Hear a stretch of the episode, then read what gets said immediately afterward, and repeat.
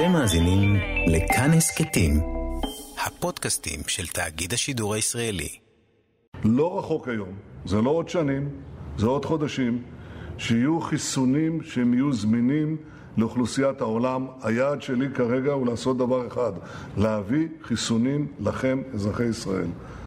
היי, היום בגבוהה גבוהה פרק נפיץ במיוחד. אם אתם חרדים לפרטיות שלכם ולזכות שלכם על גופכם, כדאי להאזין. מתחילים. גבוהה גבוהה, שיחה פילוסופית על כל מה שבכותרות, עם נדב נוימן. מודרנה, פייזר ועכשיו גם החיסון של אסטרזנקה. מדינת ישראל רואה את האור בקצה המנהרה. במחצית הראשונה של 2021 צפויים להגיע לישראל חיסונים נגד קורונה, מה שאמור לבלום את המגפה ובתקווה לסיים אותה לגמרי. אבל גם אם החיסונים אכן יעילים, וגם אם תגיע כמות שמספיקה לחסן את כל אוכלוסיית המדינה, יש עוד משוכה שצריך לעבור. כי כל מי שלא חי מתחת לסלע בשנים האחרונות יודע כמה בלאגן עושה סוגיית החיסונים בישראל.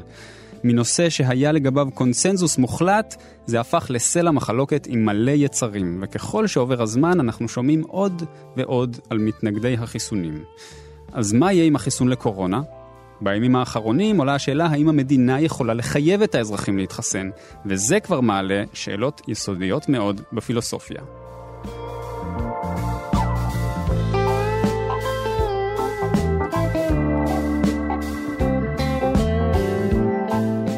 אני נדב נוימן, אתם על כאן תרבות, התוכנית גבוהה גבוהה, שבה מדי שבוע אנחנו לוקחים נושא מהכותרות ומפרקים לו את הצורה הפילוסופית. כי דעות על מה שקורה יש לכולם, אבל כדי להבין מה עומד בבסיס המציאות, צריך לחפור קצת יותר. והפעם, דוגמה מעולה לאיך הפילוסופיה קשורה לחיי היום-יום. האם מותר למדינה להכריח אותי להתחסן? כדי לענות על השאלה הזו, אני מאוד שמח לארח באולפן היום את פרופסור דוד אנוך, מהחוג לפילוסופיה והפקולטה למשפטים באוניברסיטה העברית. שלום דוד. שלום רב. טוב, אז הפעם, בתוכנית הזאת, במקום לקיים את הדיון הקלאסי שאנחנו בדרך כלל עושים בתוכנית, שאנחנו בודקים מה פילוסופים שונים בהיסטוריה של הפילוסופיה טענו לגבי מושג מסוים, אנחנו נקיים צורת דיון טיפה שונה, נכון? אנחנו...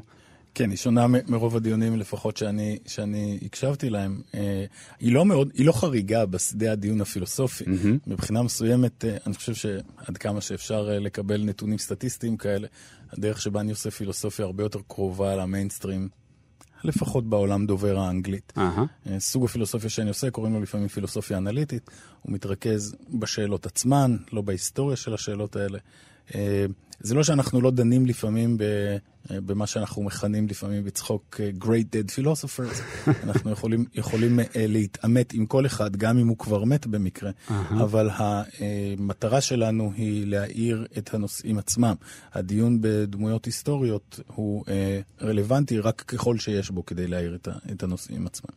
אז אנחנו הולכים לעשות קצת פילוסופיה אנליטית היום, או לפחות...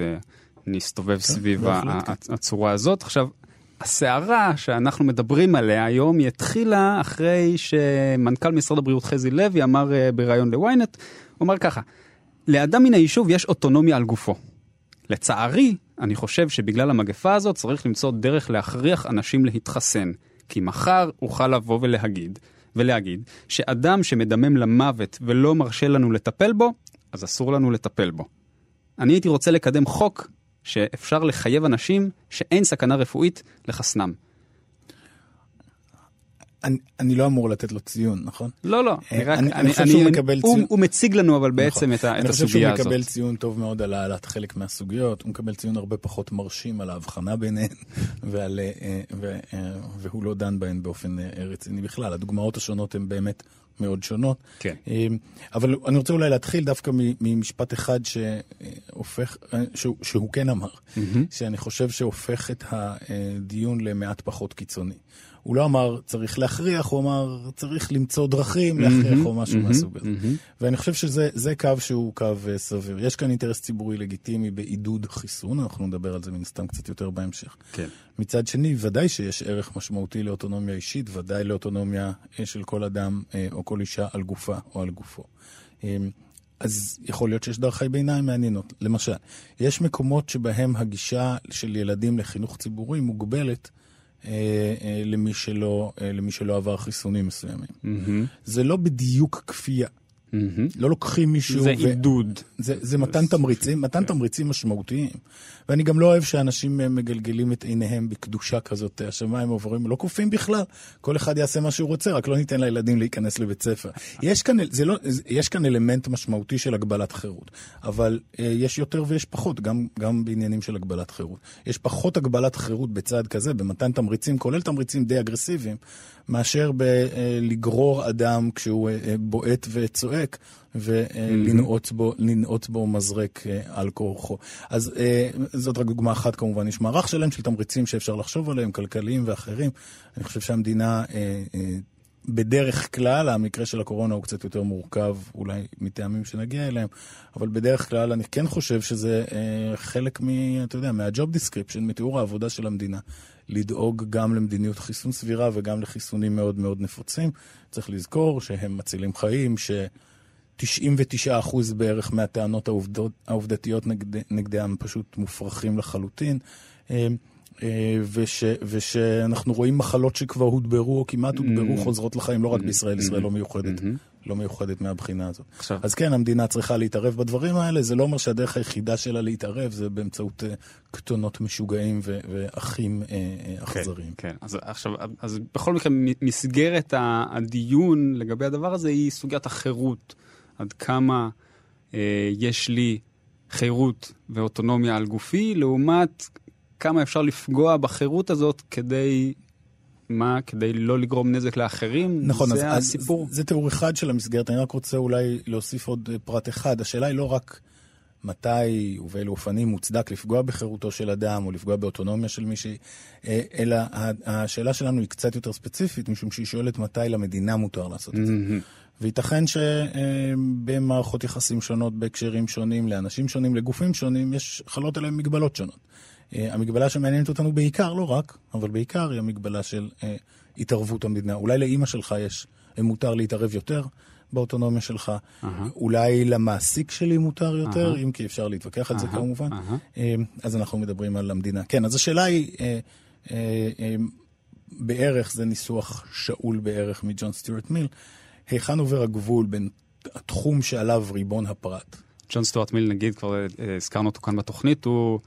פילוסוף אה, בן המאה ה-19, אחד המנסחים החשובים, נכון, של הליברליזם. אחד הגיבורים של הליברליזם, אבל אה, זה יהיה אה, מגוחך לומר שהוא מוזנח, אבל בכל זאת, בהרבה מהדיונים היותר עכשוויים בליברליזם, נראה שאנשים לא מיטיבים לקרוא את מיל. Mm, מעניין. אם, אם אתה נתקל בכמה, בכמה מהביקורות על מיל, אה, סליחה, בכמה מהביקורות על ליברליזם. Mm-hmm. ואז אתה קורא את מיל, אתה לא מבין את מי בכלל, מי הדחליל שתוקף את הביקורת. כבר שכחו, כבר שכחו לקרוא אותו. הרבה הרבה יותר טוב מהרבה mm-hmm. מאוד, אה, מהרבה מהעמדות שמתוארות אה, כליברליזם על ידי מבקרי ליברליזם. Mm-hmm.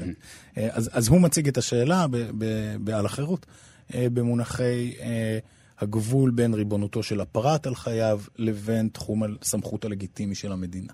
Mm-hmm. וכפי שכבר רמזת, התשובה האפשרית, התשובה של מיל, היא במונחי מה שמכונה עקרון הנזק, כלומר שהמדינה קונה סמכות להתערב בפעולותיו של פרט רק כשהפעולות הן מהסוג שעלול לגרום לנזק לאחרים. כל עוד הן לא גורמות נזק, אין למדינה סמכות, וגם אם גורמות נזק, אבל רק או בעיקר לאותו פרט עצמו, המדינה לא קונה סמכות להתערב. אז... כשנגרם נזק לאחרים, המצב שונה. אז השאלה, עכשיו זה מעלה שאלה אחרת, כי השאלה היא גם מה זה נזק.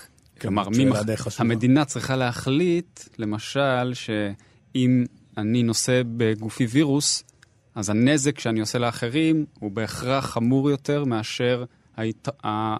הנזק שבהתערבות בחירות שלי. יש כאן, יש כאן שאלות שונות. השאלה שאתה תיארת עכשיו, השאלה של ההשוואה או האיזון, אנחנו אוהבים לדבר הרבה פעמים על איזון בין mm-hmm. הטעם שלו להתערב, כלומר ערך האוטונומיה, או, או המקרה הפרט, הספציפי של פגיעה באוטונומיה, לעומת הטעם כן להתערב שקשור בנזק לאחרים. Mm-hmm. זאת אכן שאלה אה, חשובה.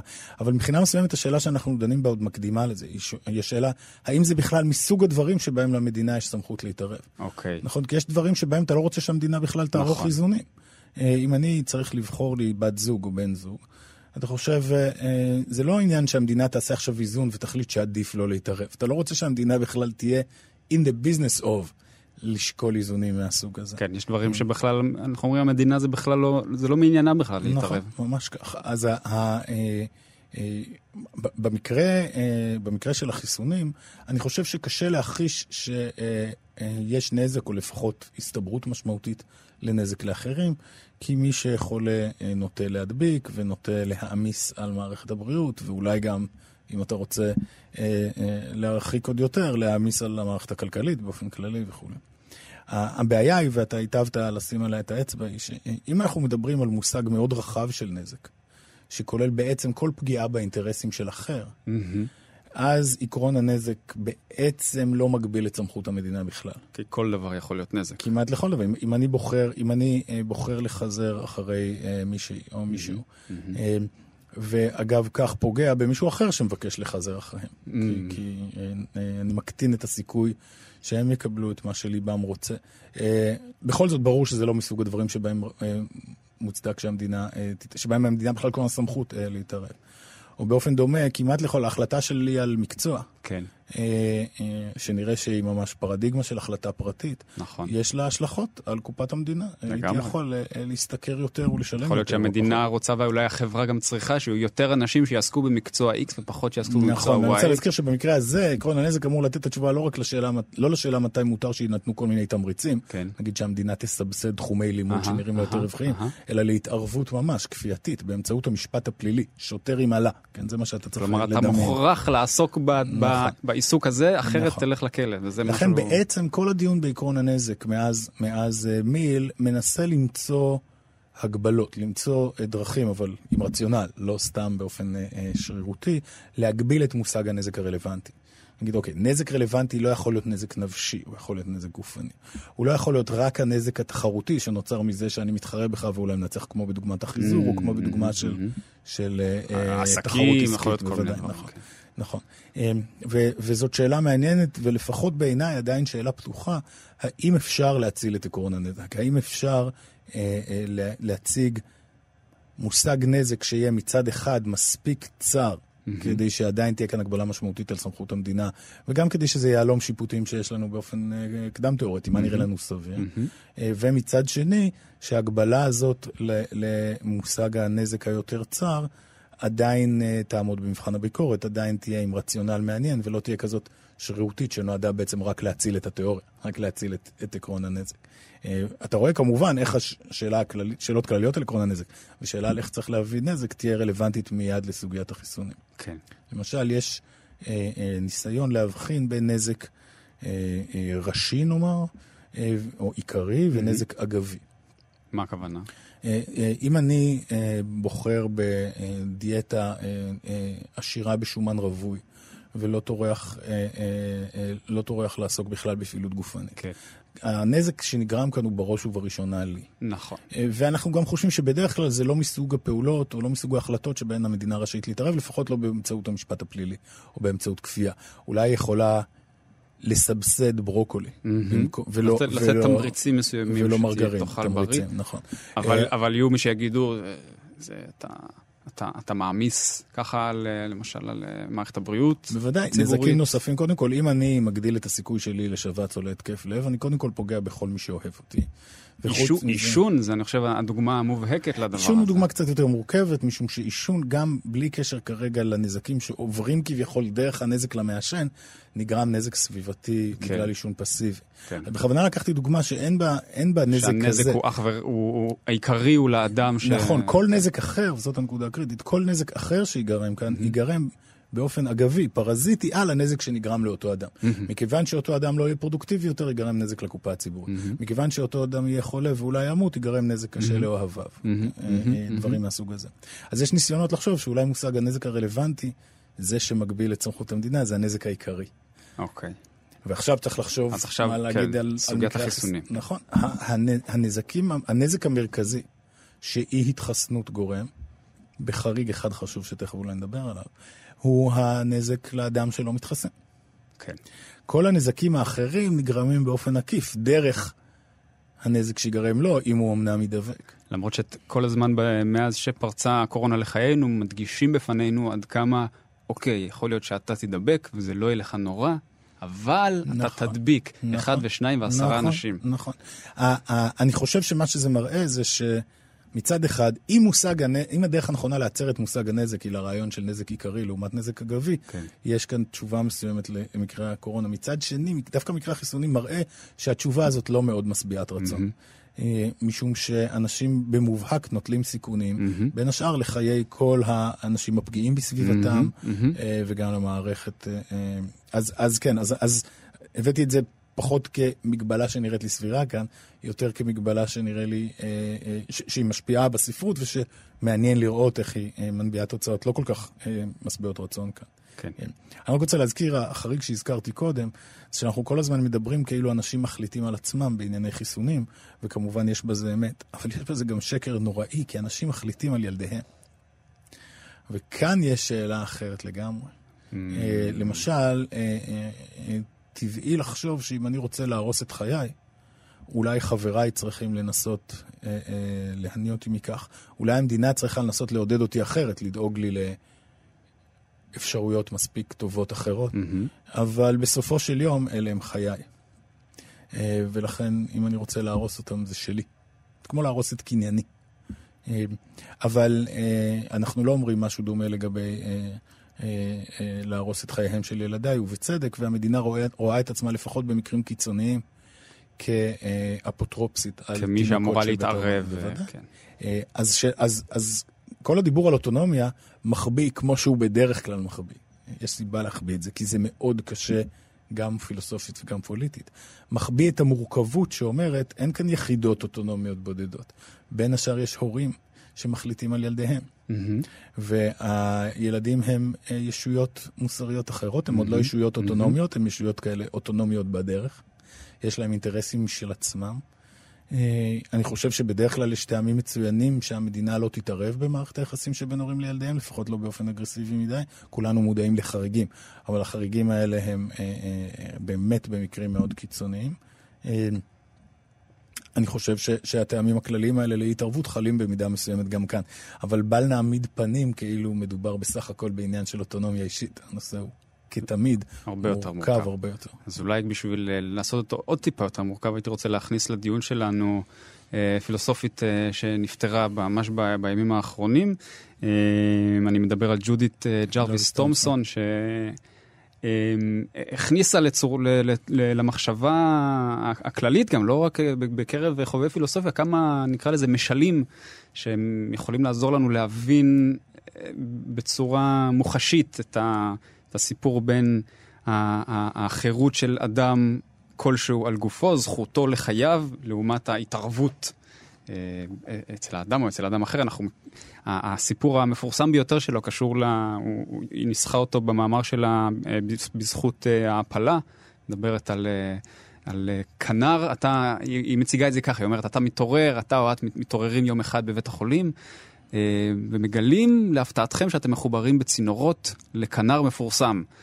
מה שמתברר זה שהכנר הזה, הכליות שלו אה, קרסו, אגודת חובבי המוזיקה אה, התערבה, מצאה שהדם שלכם הוא היחיד שיכול לעזור אה, לכנר המפורסם הזה לשרוד, חטפו אתכם, הרדימו אתכם, חיברו אתכם בצינורות אל הכליות של הכנר ההוא, כדי שתוכלו אה, אה, אה, אה, לנקז את הרעלים אה, שמצטברים אה, אצלו.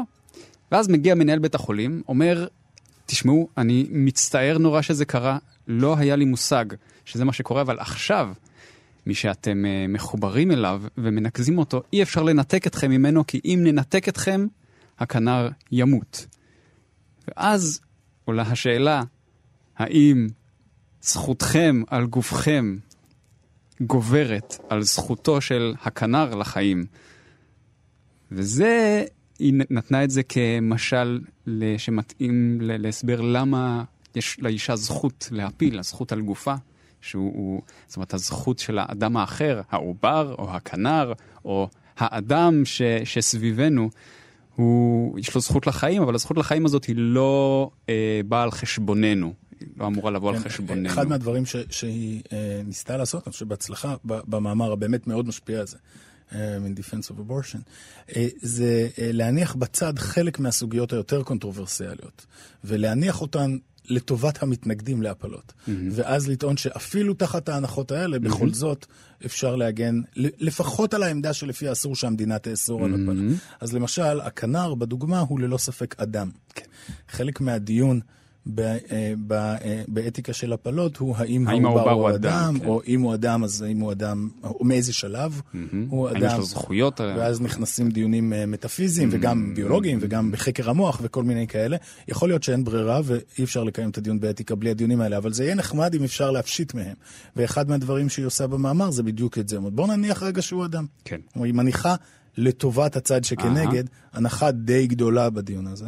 והיא אפילו, אני לא חושב שהיא מנסחת את זה בדיוק כך, אבל אפשר אפילו לומר, ובוא נניח אפילו, שהפעולה הכי ראויה מוסרית, זאת שניתן עליה מדליה בסוף, mm-hmm. היא לא להתנתק מהצינורות. Mm-hmm. כלומר, לא לבצע הפלה. אפילו נניח גם את זה. כן.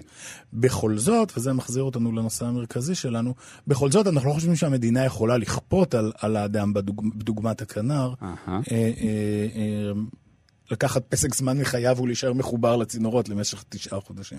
זאת אומרת, גם תחת ההנחה שהפלה אינה הבחירה האידיאלית, וגם תחת הנחה שהעובר הוא אדם, עדיין, כך תומסון, אה, המדינה לא קונה סמכות להתערב. כלומר, אם תומסון הייתה צריכה אה, אה, לגעת בסוגיית החיסון, האם אפשר להכריח להתחסן, האם אי אפשר להכריח להתחסן, המדינה, כלומר, היא הייתה אומרת...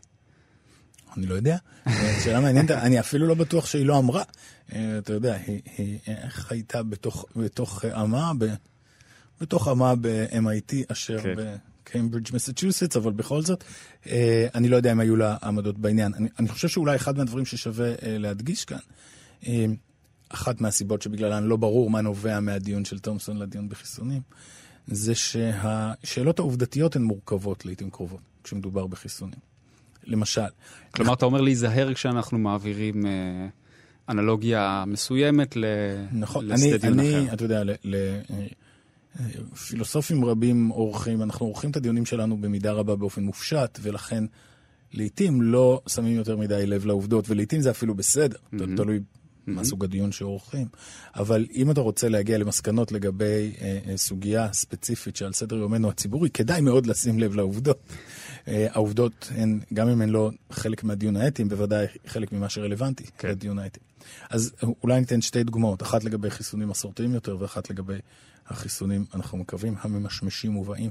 אז לגבי חיסונים אה, מסורתיים, אחת מהשאלות המעניינות היא כמה אה, אחוז חיסון צריך כדי להשיג חסינות עדר. או כדי... שם, חיסונים מסורתיים, אנחנו יודעים הרבה מאוד על הבטיחות שלהם, למרות מה שאומרים כל מיני אנשים שבאמת, במובן הכי מילולי, מילולי, מזהמים את השיח ומסכנים חיים.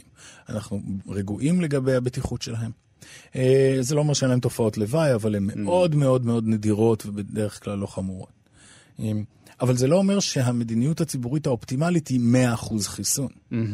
יכול להיות למשל ש-93% חיסון נותנים לך מבחינה אפידמיולוגית כן, את כל החיסון כן, שאתה רוצה, כן. ומצד שני הם מגינים על עוד 7% כן. מתופעות לוואי, אפילו mm-hmm. נדירות. ואז עולות שאלות עובדתיות על מה אחוז החיסון האופטימלי, mm-hmm. ושאלות מוסריות וגם פוליטיות, איך לחלק את הנטל. Mm-hmm. מה שמתנגדי חיסונים עושים לעיתים קרובות זה אומרים, אני אה, דואג, הילדים שלי לא יהיו חלק ממי שנושא בנטל, וזהו.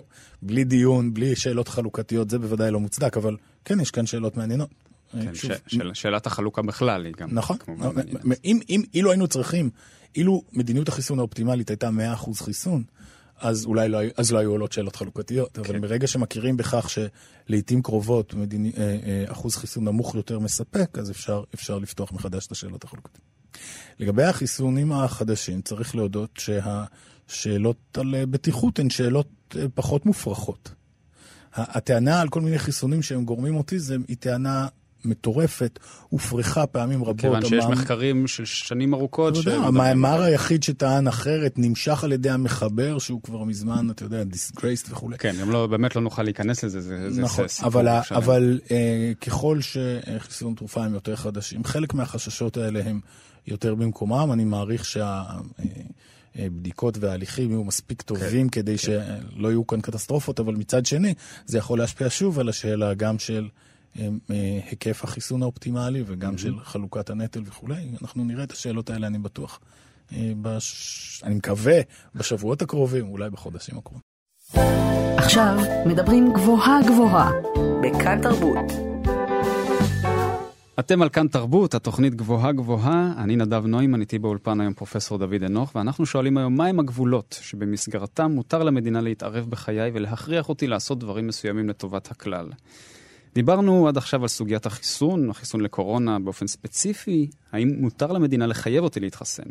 והייתי רוצה שניגע בעוד סוגיה שרלוונטית אה, לימים האלה ולדיון שלנו, וזו גם שאלה שנוגעת לאוטונומיה של האדם, אבל אולי יותר לאוטונומיה חברתית, תרבותית.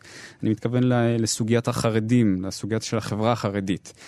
כי בעוד מוסדות אה, חינוך חילוניים סגורים, או ברובם או בחלקם יש איזושהי חלוקה, אבל זה בהוראה ממשלתית, בהוראת המדינה. מוסדות חינוך של החברה החרדית, גם, לא כולם, אבל באופן כללי, הם פועלים כרגיל. אה, וזו רק דוגמה, זו רק דוגמה אחת, כן, לסוגיה הזאת. עכשיו, תבוא האישה החילונית ותגיד, אם המדינה מכריחה אותי לעשות דברים מסוימים, למה חברתי החרדית יכולה לעשות דברים אחרים? ו... אבל אז יבוא אה, גבר אה, חרדי ויגיד, אני מנהל אה, אוטונומיה חברתית, תעזבו אותי בשקט, המדינה תעזוב אותי בשקט. מה, מה, מה עונים על זה? איך, איך מתייחסים לזה? התשובה הראשונה היא שפוליטיקה זה מורכב, אבל בואו ננסה לענות קצת יותר מזה. אמ, המונח של אוטונומיה, לפחות המקרה, המקרה המובהק של אוטונומיה, הוא מקרה של פרט. Mm-hmm. המקרה שבו אתה, במטאפורה שאני אוהב להשתמש בה, של uh, הפילוסוף יוסף רז, uh, אתה אמור להיות הסופר של סיפור חייך, לפחות mm-hmm. באופן uh, חלקי. Mm-hmm. Uh, ולא רק דמות בסיפור שמישהו אחר מספר. יפה. Uh, אז המקרה המובהק הוא באמת כשמדובר על פרט. כבר רמזנו כשדיברנו על משפחה והחלטה של הורים על ילדיהם, ש... Uh, בעולם האמיתי אנחנו אה, אה, דברים יותר מורכבים מזה. אנחנו לא רק יחידות כפרטים, אלא בוודאי כמשפחות גרעיניות ואולי מעבר לכך. כן. ואכן יש אה, ניסיון משמעותי וחשוב לדבר על אוטונומיה של קהילות. באופן אנלוגי אפשר לחשוב על הרעיון של אוטונומיה של קהילה כרעיון שהקהילה מעצבת את דרך חייה בעצמה באמצעות. בחירותיה שלה. היא, היא הסופרת של סיפור הקהילה. כן. ולא, ולא רק אה, דמות בסיפור שמוכתב על ידי גורמים חוץ-קהילתיים. Mm-hmm. אז אני חושב שזה הרעיון שאתה, שאתה מפנה אליו. אה, יש דרכים שונות להגן עליו. אני ליברל מסורתי. כלומר? כלומר, אני מוצא דרך להגן עליו, אבל באופן מאוד חשדני. אוקיי. Okay. אני אתחיל רגע מהדרך הפחות מסורתית והפחות חשדנית. אפשר לחשוב שקהילות הן עצמן יצורים אורגניים, חשובים מוסרית, אפשר לחשוב שיש להם אפילו איזושהי קדימות מבחינה מוסרית פוליטית על הפרטים, שפרטים מחוננים על ידי הקהילות שבהם הם חברים, או שמעוצבים על ידי הקהילות או דברים מהסוג הזה. Mm-hmm, mm-hmm. אז יש עמדות כאלה. דרך אחת לחשוב על עמדות קהילתנ... קהילתניות, קומיוניטריאניזם.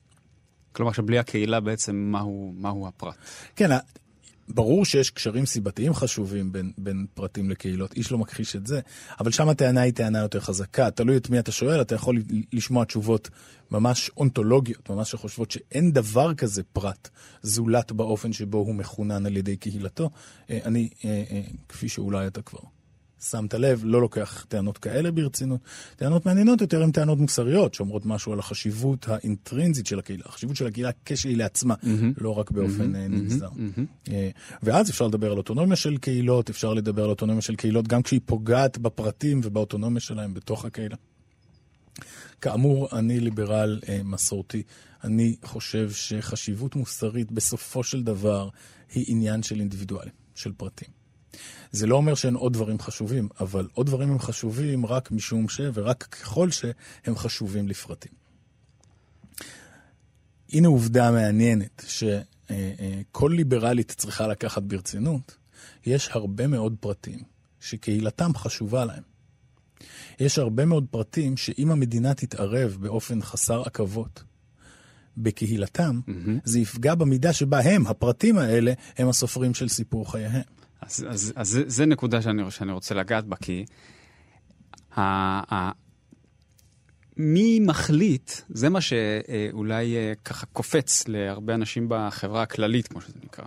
אה, מי מחליט שאדם בקהילה החרדית שלו, הקהילה שלו והאוטונומיה שהיא מצליחה לשמר חשובה יותר מהקהילה שלי, שהיא אולי אמורפית יותר קצת, אולי אנחנו בחברה הכללית קצת אמ, פחות אמ, מסורתיים, פחות המסגרת הקהילתית שלנו היא יותר רופפת, ולכן אולי זה נראה שניתן לפגוע בחירות האוטונומית הזאת קצת יותר בקלות. מי אמר? כן, אני, אני, אני מסכים עם רוב מה שאמרת, אבל לא עם כולו. ראשית, לגבי מי מחליט, התשובה היא בסוף המדינה תחליט, כי הכוח אצל המדינה ואין לה ברירה אלא להחליט. ואם השאלה היא איך היא תחליט, אז התשובה היא כמו שמדינות מחליטות, מתוך שילוב של עקרונות ופשרות פרגמטיות פוליטיות. Mm-hmm. זה יהיה מורכב, זה יהיה מלוכלך, אין ברירה. אפשר לעשות את זה יותר טוב ופחות טוב, זה לא כאילו אין כאן נורמות שיכולות להסדיר את זה, אה, אבל כן, אל תצפה למשהו נקי ויפה, כי אנחנו מדברים על פוליטיקה עכשיו, זה לא יהיה נקי אבל עיקרון, אם נחזור למיל, אז הספקטרום הזה שאנחנו הולכים עליו, הנזק לעומת השמירה על החירות האישית, אז פה אפשר לומר שהמדינה הולכת אה, לקיצון מסוים בספקטרום הזה. היא אומרת, הנזק שיכול להיגרם, כלומר המדינה אומרת, לפתוח מוסדות חינוך זה נזק בריאותי. זה סיכון, כן. זה סיכון. אבל במקרה הזה, אנחנו אומרים, השמירה על החירות של הפרט או של הקהילה חשובה יותר. אני לא בטוח שזה מה שהמדינה, אני לא בטוח שזה מה שהמדינה אומרת. אחד מהדברים המעניינים זה שמדינות לא מדברות כל כך, בוודאי לא בכל... אחד אנחנו יכולים אולי לקרוא, לקרוא בין השורות. נכון, אז אפשר לקרוא כל מיני דברים. Mm-hmm. והקריאה שלך היא קריאה אפשרית אחת, אבל אני לא בטוח שהיא הכי סבירה, אבל על כל פנים ודאי יש גם, יש גם קריאות אחרות. הנה קריאה אחרת. כן. הקריאה האחרת היא ודאי שכל הדברים האלה חשובים באותה מידה. אבל אני, המדינה, צריכה להכיר במגבלות הכוח שלי. Uh-huh. ו, אה, ואני צריכה לפעול באופן נבון, באופן שבסופו של דבר, אולי בהקשר שלנו, mm-hmm. מקטין חשיפה ומגדיל אחוזי חיסון, mm-hmm. משהו מהסוג הזה. Okay. אוקיי. והשאלה איך נבון לפעול, היא שאלה מורכבת. כתמיד, אם אתה רוצה לעשות פוליטיקה, לא רק פילוסופיה, אז אתה צריך לשלב חשיבה פילוסופית, אתית, עקרונית, mm-hmm. עם תבונה מעשית. צריך איכשהו בסוף להזיז אנשים. אה, אה, אז אולי זה מה שקורה כאן. יכול להיות שמה שקורה זה כניעה צינית לתכתיבים פוליטיים בגלל אינטרסים פוליטיים זרים. יכול להיות שמה שקורה זה חשיבה עקרונית שהפגיעה באוטונומיה בקהילות מסוימות היא יותר חמורה מאשר בקהילות אחרות. Mm. גם זה יכול להיות. אה, או שאולי, ואתה רמזת לכך, הקהילה אה, ש, שאני משתייך אליה, או שאתה משתייך אליה, אני חושב, נקרא לה כרגע, לצורך העניין, קהילת הצפונבונים. אה, הקהילה הזאת... אני מוחה, אבל אה, בסדר. צפונבונים כמשל, אתה יודע. הקהילה הזאת היא, היא לא באמת קהילה. אה, זה מעלה כאן סוגיות שעולות בדיון, למשל בין אינדיבידואליזם או ליברלי, ליברליזם אינדיבידואליסטי לבין קהילתנות, על איך מבינים קהילה, מה נדרש, לא כל קבוצה של אנשים היא קהילה, גם עד כמה קהילות חשובות, גם האם...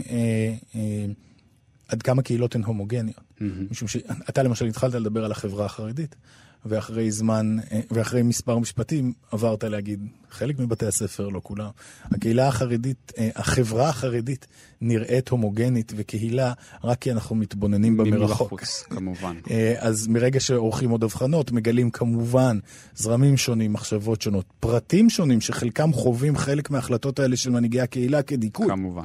וחלקם לעומת זאת תומכים באופן עיוור, חלקם אף פעם לא חשבו על אפשרויות אחרות, זה באמת מורכב. אבל אני חושב שהיו בדברים שלך, אה, הייתה לפחות נקודה אחת, אולי הכי עמוקה, שחשוב לי מאוד להדגיש, ושאיתה כן, אני מסכים. כן, כן, בבקשה.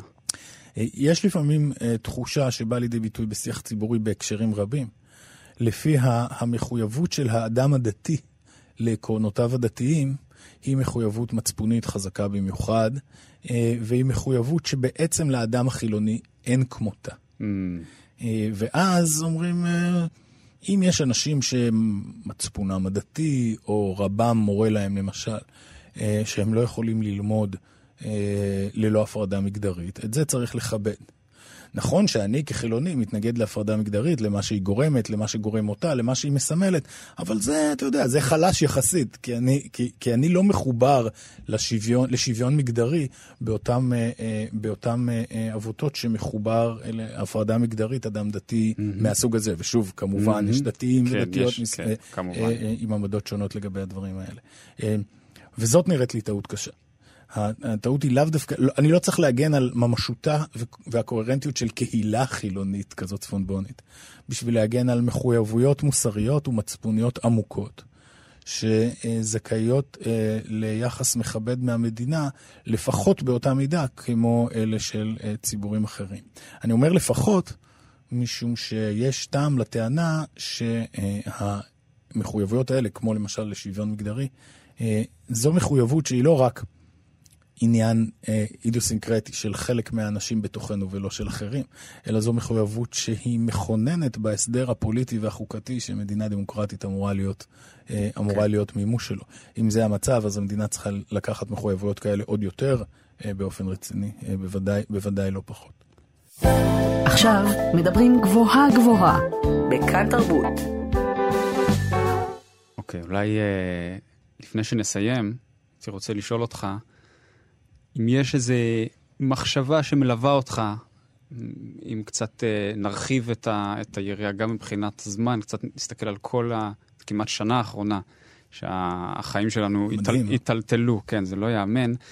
וכשאנחנו מדברים על חירות, שזה מושג שהוא מושג מפתח ב, בח, בשל, בחיים שלנו בצל הקורונה, יש איזושהי, איזושהי התפתחות אולי במחשבה שלך שהתקופה הזאת גרמה לך להבין משהו טיפה אחר לגבי, לגבי המושג הזה, לגבי איך אנחנו חיים איתו? זה יישמע די רע, אבל אני חושב שלא. יש מין אה, מגמה כזאת של הרבה כותבים, מחווי דעה, הוגים, הוגות, שיספרו כמה הקורונה היא מאורע מונומנטלי, גם מבחינה אינטלקטואלית. נכון. ו, אה, וכשתראה מה הלקחים שהם מבקשים להפיק, תגלה שרובם הגדול מפיקים את הלקח שהם צדקו במה שהם אמרו כל הזמן. אה, אנחנו מבינים את, ה, את הנטייה הזאת. כן, כן, כן. אבל יש כאן, אני חושב, משהו שהוא אולי בכל זאת אה, אה, אה, טיפוסי לגבי תחום, לגבי תחום העיסוק שלי. אה, כי כשאנחנו עושים פילוסופיה, אנחנו באמת עוסקים בטענות, אם יש לנו מזל, באמיתות mm-hmm. הכי מופשטות וכלליות. Mm-hmm. אלה לא מושפעות מאיזה וירוס קטן שמופץ איפשהו. אה, זה לא פתאום, אה, אה, אולי אני אתן רגע משל, תאר לי איזה שינוי יכול להיות בעובדות, בעולם, שינוי גיאופוליטי, וואטאבר, שיגרום לך לחשוב שבעצם גזענות זה יופי. לא, לא, אנחנו מדברים על טענות, חלקנו על טענות נורמטיביות כלליות הרבה יותר. כמובן, מה נובע מהטענות האלה באופן יותר קונקרטי, mm-hmm.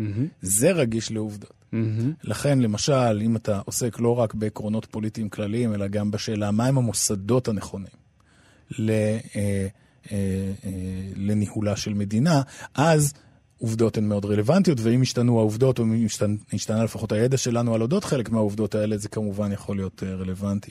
או באופן דומה, אה, אולי ניתן את הדוגמה הבאה דווקא לרדת קצת על מיל. מישהו באמת גיבור ליברלי מבחינתי.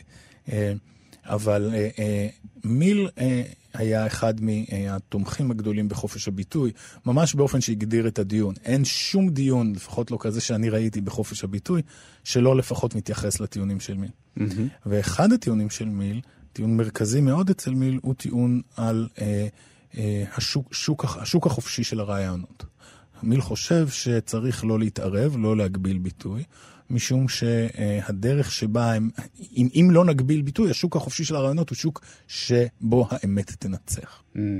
זו תפיסה יפה ומעניינת, אה, ומיל כותב את זה נפלא, כי הוא כותב נפלא באופן כללי. אבל כשחושבים עליה רגע, רואים שהיא מערבת שם טענות עובדתיות, ולא טענות מובנות מעליהן. השאלה האם האמת תנצח ו... ומתי, זאת שאלה שהיא לפחות בחלקה שאלה אמפירית, צריך לעשות מדעי חברה ולראות, או mm-hmm, להתבונן mm-hmm, נכוחה mm-hmm, במציאות. Mm-hmm. אני חושב שאנחנו מגלים, שיח החיסונים הוא דוגמה מהסוג הזה, אה, אה, ההקצנה המופרעת. בכיתוב הפוליטי בארצות הברית היא עוד דוגמה מהסוג הזה, ויש אה, דוגמאות רבות אחרות. שמיל היה כאן, מיל היה אופטימי מדי. זה לא אומר שהעקרונות הבסיסיים שהוא מדבר עליהם אה, אה, שקריים, אבל זה כן אומר שהיישום שלהם לעובדות, כאילו יש שוק חופשי וכאילו שוק חופשי, למדנו דבר או כן, שניים על כן, שווקים כן, חופשיים כן, מאז. נכון. אה, היישום הזה הוא יישום אה, בעייתי שקורה להתבוננות הרבה הרבה יותר רצינית אה, אה, בעובדות. מה נובע מזה פוליטית בסופו של יום לגבי חופש הביטוי, אני עוד לא יודע, אבל אה, מי לא היה מספיק זהיר כאן? בזה נסיים. פרופסור אה, דוד אנוך, תודה רבה שבאת לאולפן. תודה לך. אנחנו סיימנו, אני נדב נוימן, תודה רבה לתמיר צוברי על הביצוע הטכני. כל הפרקים של גבוהה גבוהה זמינים ביישומון של כאן ובכל אפליקציות ההסכתים השונות. אני מזמין אתכם גם להצטרף לקבוצת הטלגרם של התוכנית לעדכוני פילוסופיה ותכנים משלימים לדברים שאנחנו מדברים עליהם בתוכנית. פשוט חפשו גבוהה גבוהה בטלגרם. ואם אתן רוצות להרחיב עוד בנושאים שעליהם דיברנו בפרק הזה, עזבו הכל ולכו לקרוא את על החירות מאת ג'ון סטיוארט מיל. הספר הזה יצא אה, בעברית בהוצאת שלם. אני מקווה שנהנתם, תודה ולהתראות. thank you